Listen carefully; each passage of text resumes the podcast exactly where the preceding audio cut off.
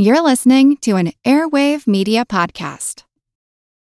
When you need mealtime inspiration, it's worth shopping Kroger, where you'll find over 30,000 mouthwatering choices that excite your inner foodie. And no matter what tasty choice you make, you'll enjoy our everyday low prices, plus extra ways to save, like digital coupons worth over $600 each week. You can also save up to $1 off per gallon at the pump with fuel points. More savings and more inspiring flavors make shopping Kroger worth it every time. Kroger, fresh for everyone. Fuel restrictions apply. We all know how important it is to keep your eye on the money, and not just your own. Stay on top of the latest financial and market news with Yahoo Finance, a podcast that releases new episodes almost every day. You'll hear a brief overview of the biggest news in the financial world, all in three minutes or less, right after markets close. Check out Yahoo Finance wherever you get your podcasts. That's Yahoo Finance wherever you get your podcasts. This is Kick Ass News. I'm Ben Mathis.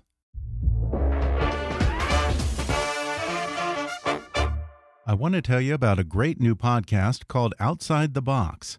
If you're a maker, an innovator, or even just a consumer who wants to peek behind the curtain of some of the world's greatest organizations, you'll love it. The latest episode features interviews with the visionaries who are creating systems that bring our work, and more importantly, our workforce, into the 21st century. Because although we're plugged in at home, when it comes to the workforce, we're lagging behind. Listen to Outside the Box in Apple Podcasts, Stitcher, or wherever you get your podcasts. And now, enjoy the show. Hi, I'm Ben Mathis, and welcome to Kick Ass News. When I first heard about Amazon's new series Comrade Detective, I knew two things. I had to watch it, and I had to invite the brains behind the show on the podcast. The idea behind Comrade Detective is that it was a popular police drama on Romanian TV in the 1980s that disguised communist nationalist propaganda and socialist ideals as entertainment for the masses. After the fall of the Berlin Wall, Comrade Detective was thought to be lost to history until actor Channing Tatum sought out the missing footage, dubbed it with the voices of American actors, and presented the TV series to Western audiences for the first time. However, in reality, Comrade Detective is the hilarious brainchild of writers Brian Gatewood and Alessandro Tanaka, who previously created, wrote, and produced the NBC comedy Animal Practice and write for the Showtime series Dice. They teamed up with the brilliant comedy director Rhys Thomas, who directs the ridiculously smart series Documentary Now on IFC, and previously directed comedy segments for Saturday Night Live. Together, they recreated Cold War era Romania and a cop show that serves as a not so subtle vehicle for anachronistic 80s communist propaganda. They then lured an all star cast that includes Channing Tatum, Joseph Gordon Levitt, Nick Offerman, Chloe Sevigny, Daniel Craig, and other celebrities to dub the show in English with the driest hint of absurdity. If you're the kind of person who craves smart, offbeat comedies like Portlandia, Fargo, or Flight of the Conchords, then I promise you're going to love Comrade Detective. And today, the creators and writers, Brian Gatewood and Alessandro Tanaka, and the director Rhys Thomas join me on the podcast to discuss the 80s cop shows and a popular Czech TV series that inspired Comrade Detective. They talk about some of the difficulties they encountered recreating Soviet era Bucharest for television why graffiti was such a problem, and how they worked with their Romanian cast and crew, including one very foul mouthed translator. Plus, how they landed a spectacular cast of American stars to dub Comrade Detective, and a warning about buying into blind ideology that's just as applicable today as it was in the days of the Cold War.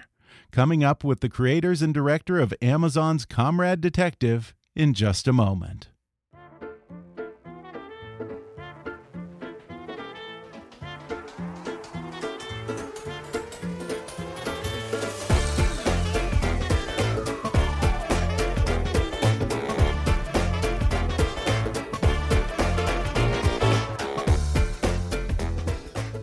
Today I'm talking with the creators of the new Amazon series Comrade Detective, Brian Gatewood and Alessandro Tanaka, along with the show's director, Rhys Thomas.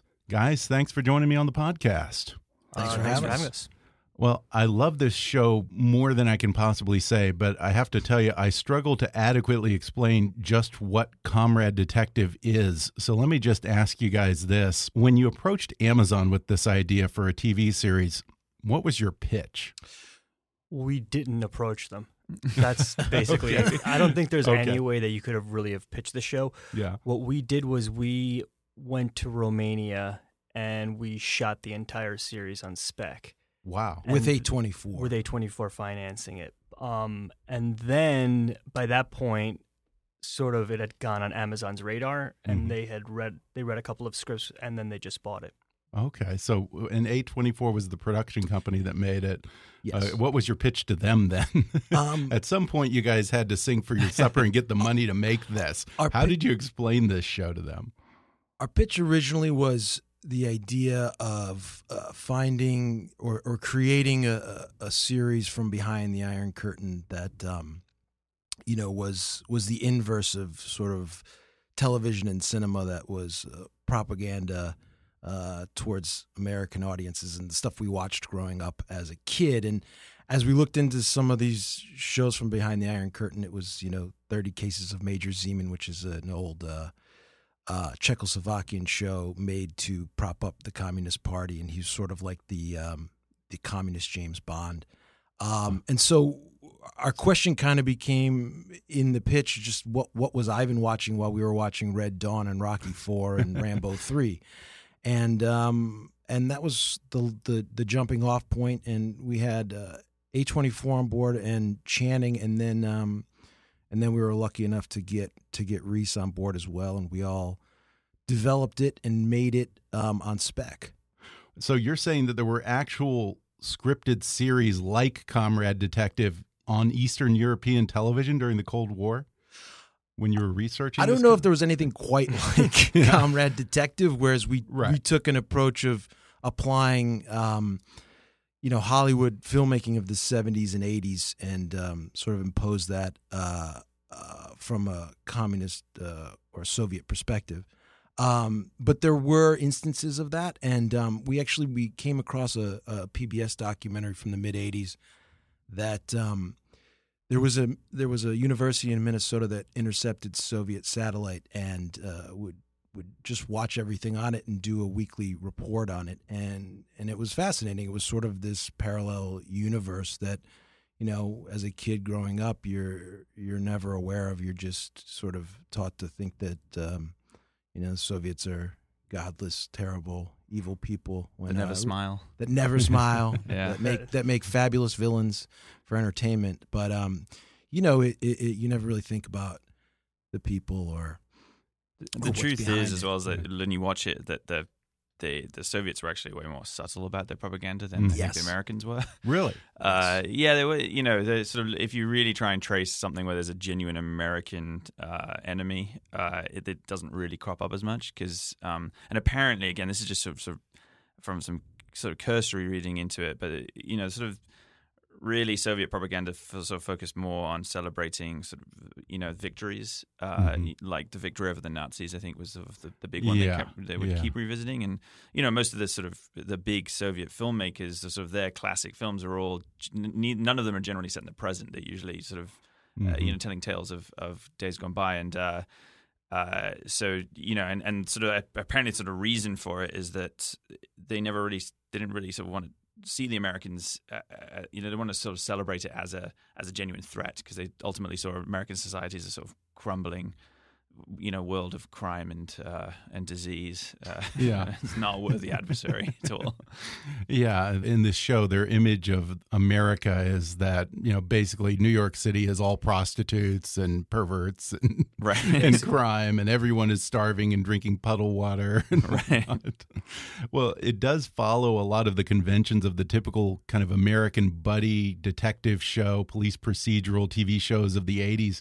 Did you guys also find yourselves going back to those shows like maybe Miami Vice, Hardcastle and McCormick, Cagney and Lacey? Yeah, I mean, Miami Vice was definitely on our one of the things that we rewatched. Um, we we also watched a lot of films, so it's Mhm. like you know, Forty Eight Hours, uh, Lethal cop shows like that, Lethal Weapon, um, buddy cop movies. Yeah, I think somewhere I read that Brian and Alessandro were actually inspired by the original. I think it was Woody Allen's first movie, What's Up, Tiger Lily. Are you two big Woody Allen fans? uh, yeah, we're huge Woody Allen Woody fans. fans. Um, and yeah, that was sort of a, a jumping off point. Was thinking about that film, and then how could we try something like that in television? Which you know, television has expanded to a really you know fun and adventurous place. But uh, we ended up taking a different route once we looked into sort of you know global cinema, and then the idea of just making our you know our own retro fitted show. Like Um, we were never gonna be able to find something that was already made that we could then just dub over. Like we, Yeah. like the only way to do it was to was to make it because it didn't exist. You know. And another thing is that a a lot of the shows, if you look at global television, the shows are good. You know, you don't really want to mess with them. Um, there's some great. There's a great German show, Tatort. Uh, there's La Piovra from from Italy, um, and even the Ca- Thirty Cases of Major Zeman is is a well done show. Um, So you know, we we kind of veered away from the the bad filmmaking angle and tried to represent something that or make something that was more representational of, of actual uh, global television or cinema. Yeah, because this is presented as what would have been a real show, a real scripted series that you might have found behind the Iron Curtain. It looks like you basically recreated everything and played it straight with the actors and everything. And then the only humor comes in in the dubbing when you go back into post. That's when you kind of layer in the humor. But you can watch it and also appreciate it for a pretty good kind of police procedural type show. I, I started buying into it on that level as well. Great to hear because That was that's our- that was our that was our intent. intent. Yeah. Yeah, we sort of. Re- I mean, again, early on, I think when even when I was, uh, you know, pitched it, your sort of mind goes when it's presented as this sort of Romanian and you know answer to Miami Vice. Automatically, I sort of realized as I was telling people about it, they would assume that it was a celebration of sort of, you know, retro '80s filmmaking, you know, synthy and all, all that kind of, you know, all those Yeah. sort of cliches. And uh, to me, it just felt like that could get exhausting after, Mhm. you know, if you've been in it 10 minutes, it's badly dubbed, you know, all those things. It's like, okay, well, what is it? So we sort of, in talking about it early on, we sort of all decided, like, well, let's just, let's also make sure that there's a narrative here that, that you know, once you've gotten past the conceit, that Mhm. you'll stay with it and, uh, and yeah, take it through to the end. Um, just to give listeners a little bit of an idea without giving too much the tone of the kind of the propagandized dialogue in comrade detective um, for instance the police captain says something along the lines of the murderer must not be romanian because crime is not part of our national character and uh, they wax about the impeccable state health care system in Romania and the Romanian justice system, saying, Why would a suspect run unless they were guilty? uh, my favorite, I think, is they talk about Americans having to struggle to the point of starting their own businesses. uh, you don't just mock. American culture and capitalism, but you also take on Christianity because, of course, religion was banned under communism. And I love how you have this Catholic priest who's voiced over by the great Daniel Craig, who's brilliant in this. And the Soviet portrayal of the Catholic Mass is like a scene out of Rosemary's Baby. It's like some kind of satanic ritual.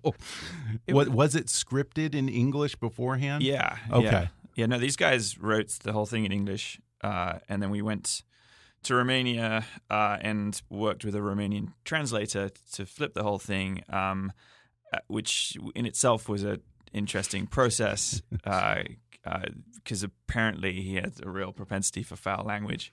Uh, He, And so he put was- his own flourishes on it. yeah, so there were there were a lot of pull-ups on set of an actor walking over and saying, uh, you really want me to say this? This, this is really crude. I mean, I, I feel like that's not what the scene's about." And, you, and you'd be like, "Wait a second, tell me what it is," and it would be the most crazy shift of meaning.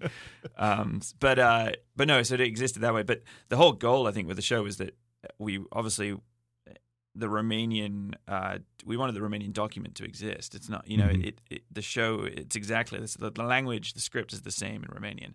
Uh, Mhm. so you know in a perfect world you could flip the the audio track and it Yeah. works both ways. Um, obviously the American actors bring uh, you know different character traits to things, um, but the the dialogue's not really been messed with that much.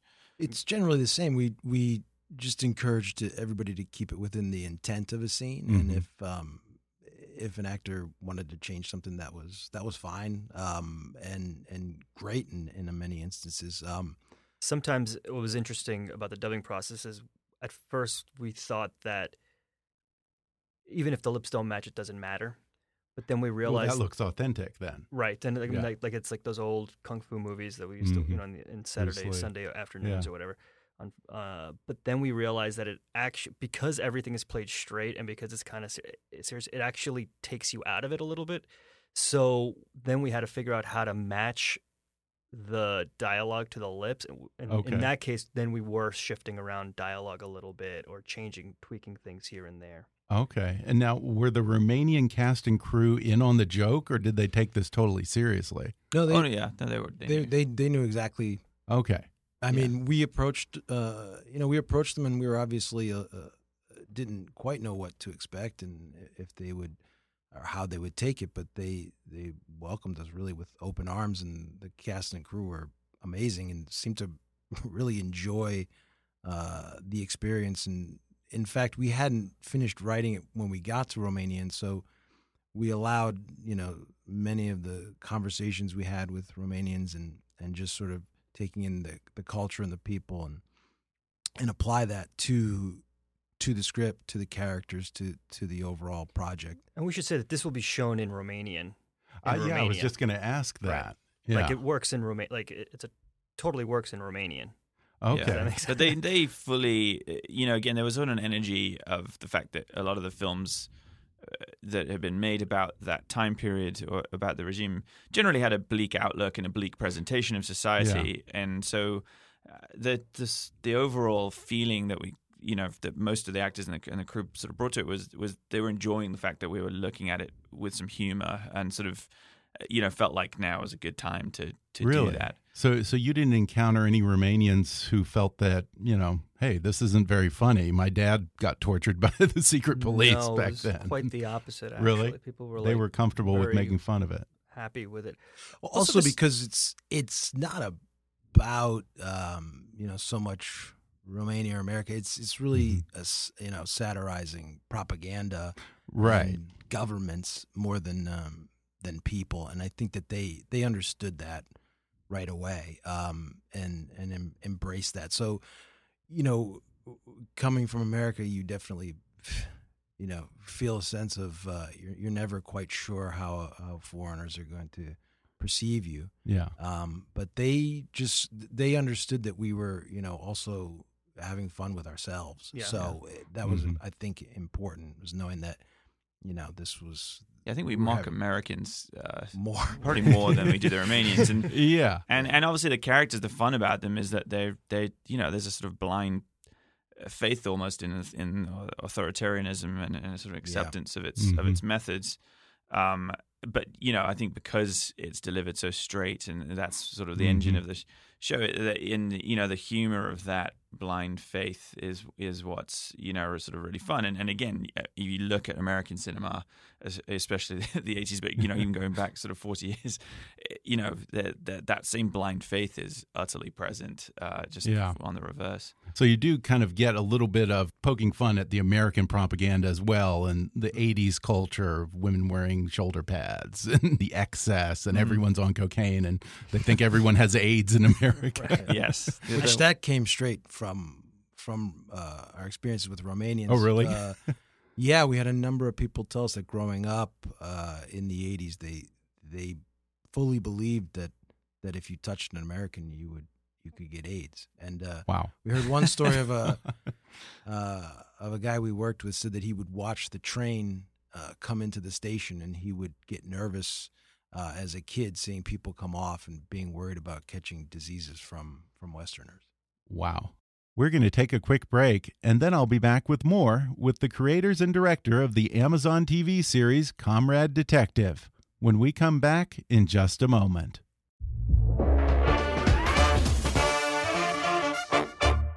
HelloFresh is on a mission to save home cooking. HelloFresh is the meal kit delivery service that makes cooking more fun so you can focus on the whole experience, not just the final plate. Each week, HelloFresh creates new delicious recipes with step by step instructions designed to take around 30 minutes for everyone from novices to seasoned home cooks short on time. They source the freshest ingredients measured to the exact quantities needed so there's no food waste, and they even employ two full time registered dietitians on staff who review each recipe to ensure it's nutritionally balanced. I've started making meals from HelloFresh, and let me tell you, the ingredients always arrive fresh in an insulated, recyclable box. Everything comes perfectly portioned out, and the recipes are quick and easy to follow, so even an amateur like me can put together a great home cooked meal in no time. And most importantly, HelloFresh's meals taste great. So great, in fact, that when Mother's Day rolled around this year, I ordered HelloFresh for my mom, and now she's hooked as well. HelloFresh is now offering light summer meals and has just introduced breakfast options, delicious ingredients you'll love to eat, simple recipes you'll live to cook. So get cooking and do it for less than $10 a meal. For $30 off your first week of deliveries, visit HelloFresh.com and enter KICK30 when you subscribe. Again, that's HelloFresh.com and enter KICK30. Hey guys, do you hate shopping for clothes? Well, now there's an easier way to get better clothes Bombfell. Bombfell is an online personal styling service that helps men find the right clothes for them. And unlike other services, there are no fees to work with them, so it costs nothing to sign up. It's simple and straightforward. All you have to do is complete a questionnaire, and a dedicated personal stylist will handpick pieces specially for you.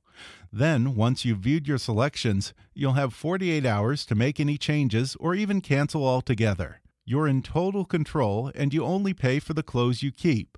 Plus, you have the option of receiving clothes once every one, two, or three months because Bombfell is on your side and they don't make money if you don't find something you want to keep.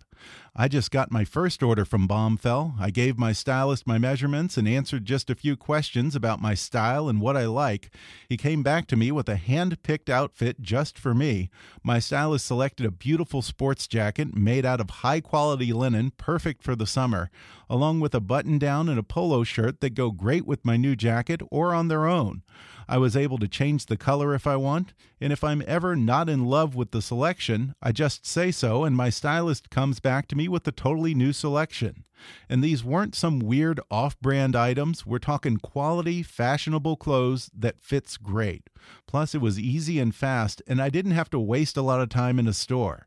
I love good clothes, and that's why I really love Bombfell. Best of all, I've negotiated with Bombfell to get my listeners a special offer of $25 off your first purchase when you go to bombfell.com slash kick. That's Bombfell, spelled B-O-M-B-F-E-L-L dot com slash kick. And now, back to the show. Now, I mean, I'm looking around the table here, and I'm assuming that you guys are too young to have remembered the Cold War, the Reagan era, much less visited behind the Iron Curtain, right? Uh, well, we never visited while it was there, but I mean, the, many of the my early childhood experiences or, or memories, I should say, are are um, are steeped in in you know this very rah rah America um, that uh, I think was that was really distinct to the 80s. I think it's carried through, and I think that um, it's it's still present. But um, but you know, I mean, I loved action films growing up. Um, but you know, I remember being a kid going around yelling Wolverines from from Red Dawn, you know, and shouting it and running around and who are you yelling it at? well, whoever was playing the Soviet in this game where we were, you know. Um, but yeah, we would we would yell, you know, Wolverines and and um, I mean, Rocky was like an idol, and right. Uh, and Rocky Four is the one that did it for me. Like, yeah, I'm gonna go fight that Russian. Yeah, and like, Ivan Drago. Ivan Drago, and, yeah. and you know, the best part of it is that like, if you go back and watch it, like Ivan Drago has like the top, like the best kind of um medical equipment and workout equipment. It's all computers and like digital. And, and then, whole team, you know, yeah. and then Rocky's just like working out in like the woods, Yeah. like by himself. You know what I mean? Like just rugged American. It's a crazy celebration of individualism. Yeah. If you watch the the training montage in that is so crazy because it is. It's literally just like don't trust the state. It's Yeah. all about you, the individual. You know, like, Mhm. and that's the. It's Yeah. so blatantly just, Yeah. uh, uh, yeah, insane. Yeah, and it's funny because I think just uh, about a week ago, I had a guy on who has a documentary on Netflix called Icarus that's all about the Russian doping scandal Oh, right. and how since 1968, basically every athlete in Russia was doped up. wow. Well, you know, I'm curious about the look of the film because it seems very authentic and it, it looks like what the Eastern Bloc looked like back then. I mean, when I was a kid, I think I was a freshman in high school. I went on a people to people tour of Russia and Eastern Europe. And I can still remember, especially going from West Berlin to East Berlin, it was like that moment in Wizard of Oz mm-hmm. when Dorothy leaves, you know, the Technicolor of Oz and then wakes up suddenly back in black and white, drab mm-hmm. little Kansas. I mean, it was just so gray, so sterile, and so joyless. And you guys seem to capture that pretty well, I think, from what I can tell. Uh, yeah, I mean, again, it, I don't think the goal was not to obviously make it uh, utterly drab, but uh, Right. But, to capture what Soviet yeah, it's Your, funny. I mean, Eastern again, Europe dialing into that like. period and an early sort of before we got into production and you know sort of at a concept stage uh, this was not specifically romania. The script was essentially just an eastern Oh, Bloc kind of story. And, and so I, I went and scouted uh, uh, budapest and sofia as well uh, sort of in the space of a week went to all three cities and uh, and got a sense of the different flavors of communism in, in each place. And also obviously each one has a sort of particular aesthetic quality. And uh, the thing about Bucharest that was really interesting is that that it still has the character of an old European city. There, there's still parts of it that you could be in Paris or, or Madrid, um, but but it's always uh, sort of pockmarked by uh, these sort of you know brutalist, uh, you know, sort of more functional communist, you know, era buildings and. Part of that is because they, had a sort of big earthquake in '78, and, and Ceausescu sort of used that as a big excuse to sort of really push out, you know, his building program and, and just knock down um, lots of spots. Oh, interesting. Whereas you know Budapest, uh, you know, it's a very sort of classical, uh, very you know beautiful city, sort of the, center of it. And there, you know, it's got its, it does have the remnants of uh, you know, and it's sort of block housing and all that kind of stuff. But you kind of, I feel like you'd be forcing that onto the city um, versus it sort of naturally being prevalent. Um, and similarly with Sofia in Bulgaria. So there, there was a again I liked Bucharest because it sort of walked the line of that you could still have a sort of European charm to it and it would feel different and it and you wouldn't be fully imbued with this sort of sense of oppressive you know form Yeah. um uh, but yet it was still there as a texture so Yeah, because I imagine that a lot of places in Europe have removed that kind of imposing, concrete, industrialized type of architecture from the Soviet era. it's still there I mean it was Is it? fun I mean even in the UK the, Really? you know I mean yeah there's plenty of uh, apartment buildings that clearly used the same, uh, I Mm-hmm. think, East German uh, prefab contractors to build them. Uh, you know, that's the thing. Visually, there was stretches where I was like, "Oh, this doesn't. This I could be, uh, you know, back home uh, in some spots." But uh, uh, it no, it's there. Like Bucharest, you know, again, it's it's shifting and there's and it's again, it's beautiful in places, but um, but uh, you know, housing is housing, and Yeah. Yeah. When you guys set out to do this, I, I wonder why you didn't use the heart of the Soviet Union, Russia. Was that just a logistical nightmare in terms of locations? Or would it have been? Probably. It also f- maybe felt super on the nose. Okay. Um, and you know, so Yeah. so like Rhys was saying, we we looked at some of the some of the other uh, Soviet states, some of the satellite states, and uh, we just uh, I don't know. We just thought that was a little bit more of an off uh, Mhm. off kilter look at. Now, I also read that you had to spend a lot of time in post digitally removing all the graffiti Mhm. in Bucharest. yeah, Because I guess back then there was no graffiti. That was probably punishable by death or something. yeah. No, the thing it back in those days. Um, yeah, no, it was a very you know functional uh, society and and uh, crime. You know, Bucharest is still one of the safest cities in Really? Europe, uh, and I you know a lot of people sort of just credit it, the sort of psychology of just uh, you know sort of playing by the rules uh, there. So. But but yeah, graffiti. The first I think it's one of the first impressions you get. sort of driving into the city is just every wall that's within arm's length uh, is is covered with graffiti, Yeah. and it's and it's not really that designy graffiti that you sort of see around, uh, Mhm. you know, sort of Brooklyn and LA. Yeah, like Uh, like the Berlin Wall look. Uh, yeah, it's a bit Yeah. more uh, just you know personal signatures and, and sort of random uh, statements of uh, you know Sally and Jeff love each other forever sort of Okay. stuff and uh, so yeah no we, yeah it was a lot of like trying to shoot you know and cover things up you know with set dressing and then but we could only go so far and yeah and also AC units or they've got these window AC units everywhere now that Oh, really? were also a nightmare to And try and satellite keep, keep hiding. Yeah. So you know we had uh, there was one one of our young intrepid uh, post PAs had literally just spent months uh, by himself just going through and, and cleaning up every shot. Uh, Yeah, because I guess back in the old days, there probably wouldn't have been much graffiti. That probably wasn't a misdemeanor like it is here because that's free speech. Right. It's not just trashing a building. Oh yeah, It's- yeah. No, that's the thing. I mean, Yeah. everyone had to have a job, and Mhm. uh, you know, it was like that was you could get thrown in jail if you didn't have a job. yeah. uh, and and so that speaks to yeah, graffiti was definitely probably again. I'm I'm not I'm not 100 percent on the law around graffiti during Ceausescu's years, but I'm Yeah. pretty confident in saying that it would have been allowed. yeah, Ceausescu wasn't the, the, the most tolerant guy yeah, for I wouldn't say he was a patron of street art. rapscallions and tomfoolery. Well, the cast for this show, I, I have to mention that. Incredible. You have Channing Tatum, Joseph Gordon Levitt, Nick Offerman, Chloe Sevigny, and a million incredible cameos. I already mentioned Daniel Craig. You have some great surprises in it for the viewers. Um, how did you get all these stars to sign on to this show? Um, well, having Channing obviously helps, and then uh, you know what what was fortuitous for us is that we we had to make the the Romanian show first, so we had something to show them. Oh, okay. Um, and so we would send the actor an episode or episodes um, with their parts, and um, you know, I, I think uh, it was just sort of a f- fun experimental um, challenge or or, or um, exercise for them to to come in and and join in the fun that we were having in, in the booth. Um, so we just got very lucky, and uh, you know, we tried to to reach out to both dramatic and and com- comedic actors and try to find a balance so that the show didn't um, go too far one way or the other to try Mhm. and hit that balance of, of drama and comedy.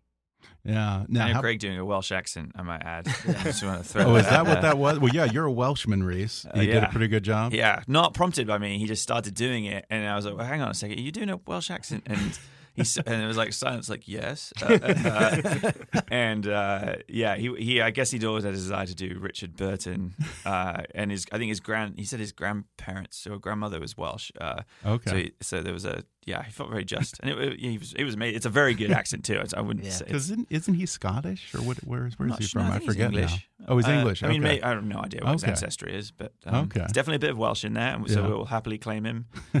yeah. you know, and I have to also mention the marketing campaign because based on what I've seen of the advertising, it looks like you guys are playing the marketing campaign straight. Are you hoping that you can Blair Witch some viewers and maybe get them to buy into the whole premise that this is a lost Romanian TV show? yeah, it's tough in this world, you know, with Yeah. with um with the internet, obviously, and uh and social media. It's it's hard to do that, but um but Rhys is always looking for that that one person with the Yeah, the yeah, it's cool. It's like documentary now as well. Like that, it was. Well, I, again, I think I like things that that should that don't sell themselves. if you know what I mean. I mean, obviously, if we'd committed Yeah. hard to the fact that this was an, an original '80s thing that just been overdubbed, probably nobody would watch it. so we have to own a little bit of the fact that it was made. But uh, but yeah, if if we didn't have to worry about viewers, then I would I would go hard after it. uh, we actually a lot for a longest time we wanted to commit to the conceit that Channing was actually in the show as a child, like that he is Joseph's young son. Uh, and that was his connection to the show. Okay. And we wrote a whole backstory. We had it all figured out. Um, and uh, I think we all kind of chickened out that it was too, maybe too much It of was a it was swing. very close to the release. Yeah. Yeah, but he, he voices one of the detectives, and he also presents the show Yeah. as if it's some kind of archival footage, some found footage, and you also have Jon Ronson presenting it. Yeah. Yeah. Yeah, Yeah. it's great. Yeah, it's uh, it's it's yeah, yeah, another show that needs someone to explain it. For, yeah, Jon Ronson was uh, yeah, this sort of legitimizing uh, force. Yeah, but he also gets that kind of dry humor for sure. Oh, he's amazing. Oh, yeah, the men he's- who stare at goats and stuff. yeah, yeah, no, he was the best, and he, and he really was into the conceit of the Yeah. of, Yeah. of selling the reality of this thing. Yeah, and Rhys, uh, you mentioned documentary now. I'm a huge documentary now fan. Are we going to get a third season? Do you think? Uh, yes, Okay. When I don't know. Uh, I next year uh, is, Okay. is what we're talking, but uh, but yes, it's it's it's there. Yeah. It's aligning everyone's schedules is a ridiculous Yeah, I'm sure. uh, jigsaw puzzle, Fred but um, but yeah, we're all Bill. confident. We all want to do it. Uh, any idea on what documentaries you guys might spoof next time? No, no. Not. Uh, we, I mean, we really do. I mean, and again, it's it's. I'm not uh, dodging the question. It, we really do basically wait until we all get together in a Yeah. room for a week, and and in that week, it's that's where the commitment to what we're going to do comes up. Yeah, well, Yeah. big fan of that and big fan of this show. Before we go, you know, I don't know if this was intentional on your part. I don't want to read too much into this, but I wonder if there's a way to see this show, Comrade Detective, as a little bit of a warning about what happens when people close their minds to differing ideologies and stop questioning the party line, whether it's mandated by the state, as in Comrade Detective, or as we see today with people just siloing themselves into their own little political echo chambers on social media and just completely regurgitating talking points without doing a little bit of critical thinking. Yeah. Um, you know, obviously, our first uh, sort of uh, uh, mode of business was to was to entertain people and, and hopefully tell them a, a fun, you know, interesting story. Uh, but yeah, I mean, it's it's definitely um, something that we hope that people walk away from thinking a little bit more about propaganda and, and sort of rigid ideology and and how absurd it, it, the the end game of all that is. Um, so yeah, I mean, we we definitely hope that people think a little bit about um, some of the some of the ideology that they follow or and also how to like how you can reframe something that's completely innocuous and turn it Mhm. evil. Like you know, there's the whole Yeah. thing like a monopoly suddenly becomes like the most the game monopoly becomes the most like diabolical Yeah. thing ever just by reframing it. You know what I mean? Um, I mean, we talked a lot about how interesting it is how how uh, good you know American uh, cinema and film has been at demonizing the other, and Mhm. um, and we wanted to see what that would look like from from the opposite side. Mm-hmm. That was definitely a, a part of the conceit of the whole show, and I think it's just a, fa- a fascinating uh, exercise. The timing wasn't intentional, though. I mean, you know, Yeah, uh, know. Trump was elected. The day of the election was our second day of shooting. Yeah. Uh, and, you know, and obviously, I mean, uh, you know, the election was obviously happening, so it, Yeah. it was definitely informed a part of it. But it kind I I remember sort of feeling like it was focused things for us Yeah. more Yeah. because we were in it. And, uh, and it focused things for the Romanians, too. I think Yeah. everybody kind of got a little more Yeah, they uh, were very determined upset. to- Really? Yeah, the the the election morning because um, you know they they've uh, felt protection from the United States uh, in a Mhm. buffer against Russia, was Yeah. constantly encroaching on them. So the joke around set for the Romanians was on that day was, well, we should all start learning how to speak Russian. Um, they were a little Jeez. they were upset about it. Actually. yeah, I'll bet. Um, Well, yeah, you know, a guy who isn't so sure he wants to go along with NATO anymore. So, Exactly. yeah, that's Yeah, probably that's- upsetting to a few Romanians. yeah. Yeah. Now, of course, you. I, I don't want to oversell this, but you do throw in a line or two referencing 1980s Donald Trump.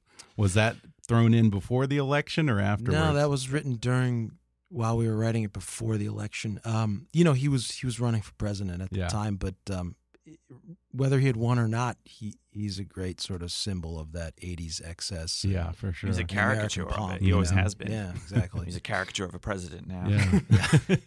Yeah. Well, I really want to encourage people to check out Comrade Detective, watch an episode or two, and I promise you'll be hooked. Um, Comrade Detective is available on Amazon starting Friday, August 4th. Brian Gatewood, Alessandro Tanaka, and Rhys Thomas, thanks for joining me. Thanks Thank for having you. us. Thanks for having us. Okay. Thanks again to Rhys Thomas, Brian Gatewood, and Alessandro Tanaka for joining me on the podcast. Comrade Detective is available exclusively on Amazon starting this Friday, August 4th. For more information, visit Amazon.com and search Comrade Detective. Alessandro and Brian are not on Twitter, but you can follow Rhys Thomas on Twitter at, at RhysThom2. That's R H Y S T H O M, the number 2. Be sure to subscribe to Kickass News on iTunes and leave us a review while you're there. Don't forget to take our listener survey. It only takes five minutes at podsurvey.com/kick. You can visit Kickass News on Facebook and follow us on Twitter at, at KickassNewsPod. And be sure to recommend Kickass News to your friends on your social media. And if you really want to help out, then donate to our GoFundMe campaign at gofundme.com slash kickassnews or click on the donate button at kickassnews.com. As always, I welcome your comments, questions, and suggestions at comments at kickassnews.com. For now, though, I'm Ben Mathis, and thanks for listening to Kick Ass News.